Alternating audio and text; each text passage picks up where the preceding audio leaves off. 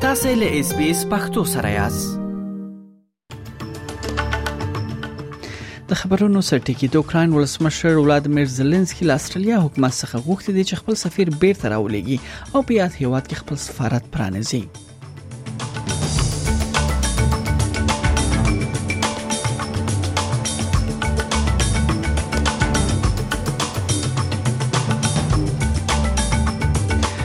د ترکیه او سوریې پولې تر سیرمه د زلزلې لامل د مړو شمیر له 50 زرو څخه اوخته دی بل خو د ترکیه حکومت ژمنه کړې چې په یو کال کې دننه به هغه ودانۍ چې د نړیدلې دي هغه به بیرته ورغوي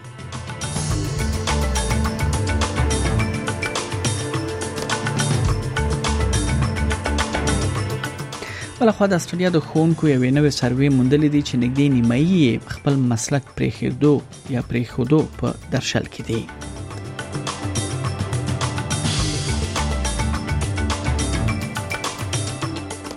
او د طالبانو دفاع وزیر مولوی محمد یعقوب مجاهد ویل دي چې افغانستان فضا اشغال شوې ده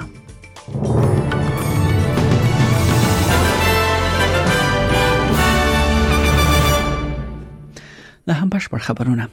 د اوکران ولسمشر ولادمیر زلنسکي له استرالیا حکومت څخه غوښتي دي چې خپل سفیر بیرته راولېږي او په یاد هیواد کې خپل سفارت پرانیزي د استرالیا په ګډون د نړۍ ځینو هیوادونو په اوکرين کې جګړې پیلېدو سره خپل سفارتونه گاونډي هیواد پولند ته انتقال کړل مګر د استرالیا د بهرنیو چارو وزارت تر دې دمه په اوکران کې د خپل سفارت لپاره نسلو څخه ډډه کړې ده او وجه امنیتي ستونزې بیانوي خغلی زيلنسکي د جګړې پایل یو کال پوره کېدو سره لزایي او هم نړیوالو خبريالانو سره خبري ناسه وکړه او هلته په خبري کانفرنس کې د اس بي اس رپورټر ته ویل چې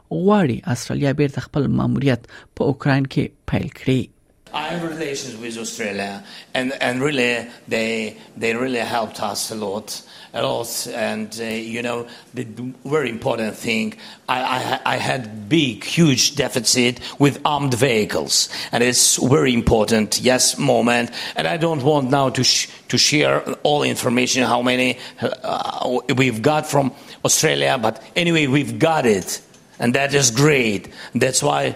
to shake hand the ambassador of, of Australia, I, I, I, I'll do it with pleasure. Please come. Come back. ښاغلی زلنسکي هم له روسیې سره جګړې کې له دې هوا سره د استرالیا د مرستو هرکلی کړی دی استرالیا د جګړې پیل راهیسې 200 میلیونه ډالر له اوکرين سره مرسته کړې ده او د هغې ترڅنګ زرهي موټر واړه جنگي ټانکونه او نور دفاعي توکو مرسته کړې ده بل خو ناتو او اروپאי اتحادیه دواړو د اوکرين لپاره د چین د اوربند پلان ته توند خبرګون خوده دی د ناتو سرمنشي ینس سټولنبرګ او د اروپאי اتحادیې مشر ارسولا وان دیر لاین وایي چې دوی دواړه غواړي چې د جګړې د پای ته رسیدو هڅه باید وشي خو خغله یا سټولنبرګ وایي چې د چین چلن لږ اعتبار لري ځکه چې بیجینګ په ښکارا د روسي يرغل نه دی غندلی او د اوکرين له پولو د روسي د ټانکونو لوتریدو سورز مخکې له مسکو سره د نه محدودي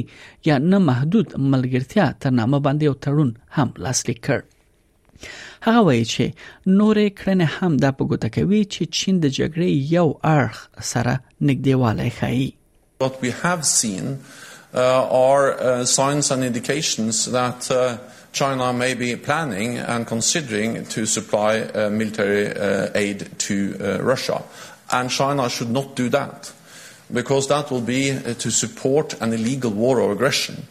uh, breaching international law and, uh, and violating the UN Charter. په خو د اوکرين لویدیزو متحدینو پر روسي د نورو بندیزونو اعلان په داسې حال کې کړی دی چې نړۍ له اوکرين سره د دغه هیواد د جګړې لومړی کلی ځلمانځي بریتانیا او کاناډا د هغو هیوادونو په ډله کې دي چې د روسي د منځوي کولو او اوکرين ته د لاسياتو پوزي مرستو د ورکولو په خاطر یې نوي بندیزونه ولګول متحده ایالاتو د روسیې او د هغې د متحدینو په وړاندې نوي بندیزونه هم اعلان کړي دي په بیله بیا د نوي صادراتي کنټرول او تعرفه چې هدف یې د جګړې لپاره د مسکو ورتیا کمزوري کول دي د پنتاګون د پنتاګون مطبوعاتي سکرتر پاتریک رایډر وایي متحده ایالات به د کیف لپاره د نورو وسلو لپاره 2 میلیارډ ډالر هم ورکړي ترڅو اوکرين د پسلنی عملیاتو لپاره چمتو کړي As the president has said, as Secretary Austin has said, we are committed to supporting Ukraine in their fight. because the implications not only is it the right thing to do, but the implications extend well beyond Ukraine in terms of what it means for the international community and what it means for democracy and what it means for freedom. د تیر کال د فبرورۍ په سریریشتمه نیټه د جګړې له پیل راهیسې د متحده ایالاتو لخوا اوکراین سره نظامی مرستې اندازه 2.3 میلیارډ ډالر ته رسیدلې د ترکیه او سوریې پوری تر سیرمه د زلزلې لامل د مړو شمیر له 500 زرو واوښت په ترکیه کې تر 340 زرو زیات کسان وژل شوی دي او په سوریه کې بیا شاوخوا شپږ زره کسان وژل شوی په دې ناورین کې له یو سلو شپېته زرو څخه زیات ودانۍ رنګ شوی دي یا سخت زیانمن شوی دي چې په پایله کې د یو سلو شپاړس څخه تر 210 میلیون ټنو ترمنځ ودانۍ او ملبې رامنځته شوې دي د ترکیه حکومت ژمنه کړې ده چې د یو کال په موده کې به رنګ شوی کورونه بیرته ورغوي خو رضاکار ژغورونکي سیمه وایي چې په همدې حال کې د خلکو د کورونو لپاره د خیمو کمښت تر ټولو لوی ستونزه ده چې باید ورته خیمه ورسیږي Because on the day of the first earthquake, people were left in the rain and they packed into cars and they had to stay all together with elderly people, sick people, and children. That is still the biggest problem. We need to get access to tents because we hear that paralysed people lay cardboard on the ground, put things like clothes and blankets on it, and they're fighting for survival there.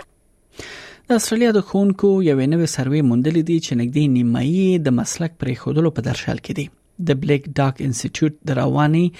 روغتیا سازمان سروې موندلې دي چې وسلوي سلنه ښوونکي پر راتلونکي کال کې د وټلو په اړه فکر کوي د مراکش د مراکش شو سلور زره ښوونکو څخه او یا سلنه څخه ډیر د غیر منظم کاری بار د لودلو راپور ورکړی دی او بیا 15 سلنه ویلي دي چې دوی د اړتیا څخه مخکې کار ته او ډیر وخت راغوښتل کیږي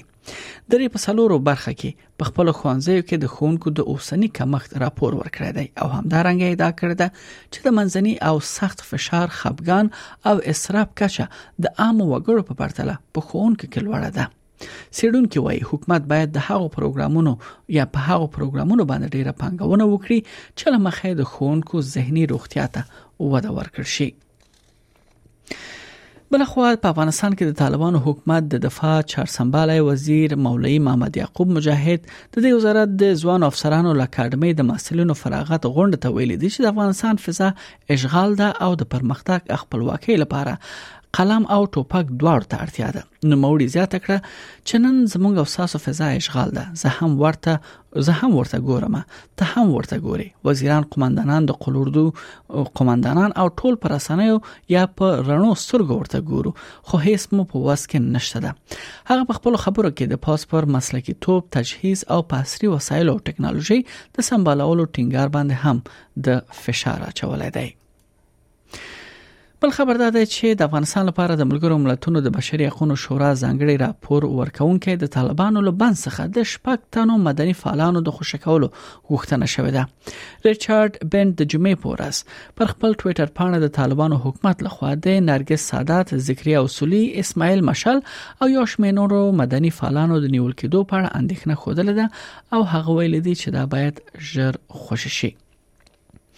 بل خبر له پاکستان څخه دی د بلوچستان د حقوقو ادارې او فعالان وایي په کوټه کې د لا درک شوی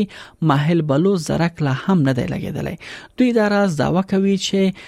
پاکستان حکومتي ادارې اوس خزینه غړي دوی یعنی پاغوی باندې جعلي مقدمه لګوي او هغوی دوی ځان سره بیایي په کوټه کې د بشري حقوقو فعال ما رنګ بلوسې د فبرवरी په درويشتمه مشال رادیو ته ویل چې هلته اوس خزل کورونو څخه نیول کیږي او دغه نیونه دوی غندي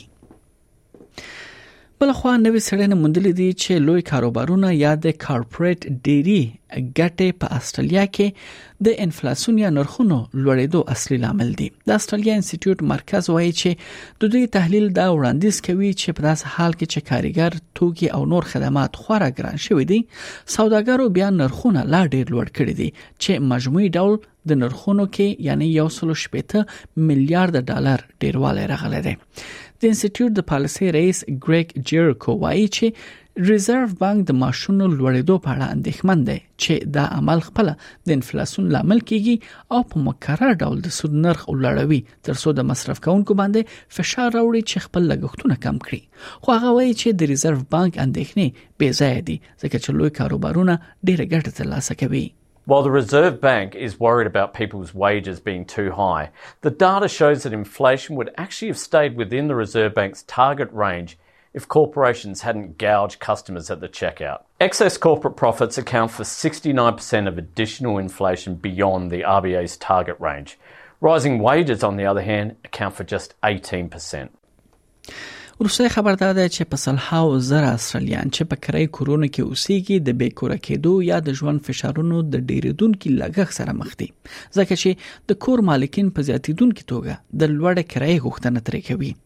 شنونکي وایي د کورونو لپاره سخته پالیسي شتون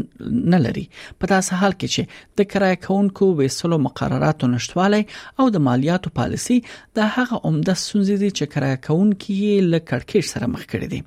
د نیو ساوث ولز ایالت کرایه کونکو اتحادیه اجرایوي مشر لیو پیټرسن راس وایي چې اوس مهال هیڅ مقررات شتون نه لري چې د کور مالک څومره کرایه له خلکو څخه وغوښتل شي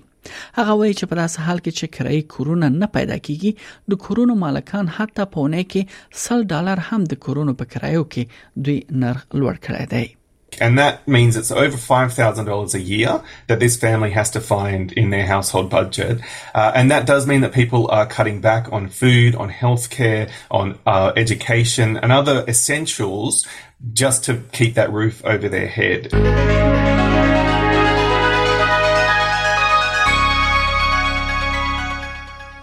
دا هم د اصلي ډالر پر وړاندې د زینو بهرانه اسعار به په نړیوالو مارکیټونو کې یو اصلي ډالر 0.8 امریکایي سنت 0.3 پته یورو سنت یو اصلي ډالر 9.5 افغاني روپی یو سل 15 پاکستاني روپی یو اصلي ډالر 55.8 هندۍ روپۍ 2.40 اماراتي درهم او 0.55 انګلیسي پنسه ارزښت لري د هم د استرالیا د ځینو ښارونو نن لپاره د تودوخې تر ټولو لوړه درجه هغه هم د سانتیګریډ په کچه په سېډني کې هوا مریضه ده لوړه درجه 22 سانتیګریډ اټکل شوې ده په ملبورن کې هوا باراني یو دیش په برزبن کې هوا باراني اتویش په پرت کې هوا لمریزه درې دیش په اډلیټ کې اسمان برګ دی سلی دیش په هوبرټ کې هوا باراني ده یو دیش په کمبيره کې هوا لمریزه ده اتویش او په اخر کې داروین هلته هوا باراني ده او د تودوخه تر ټولو لوړه درجه 9 سانتیګریډ اټکل شوې ده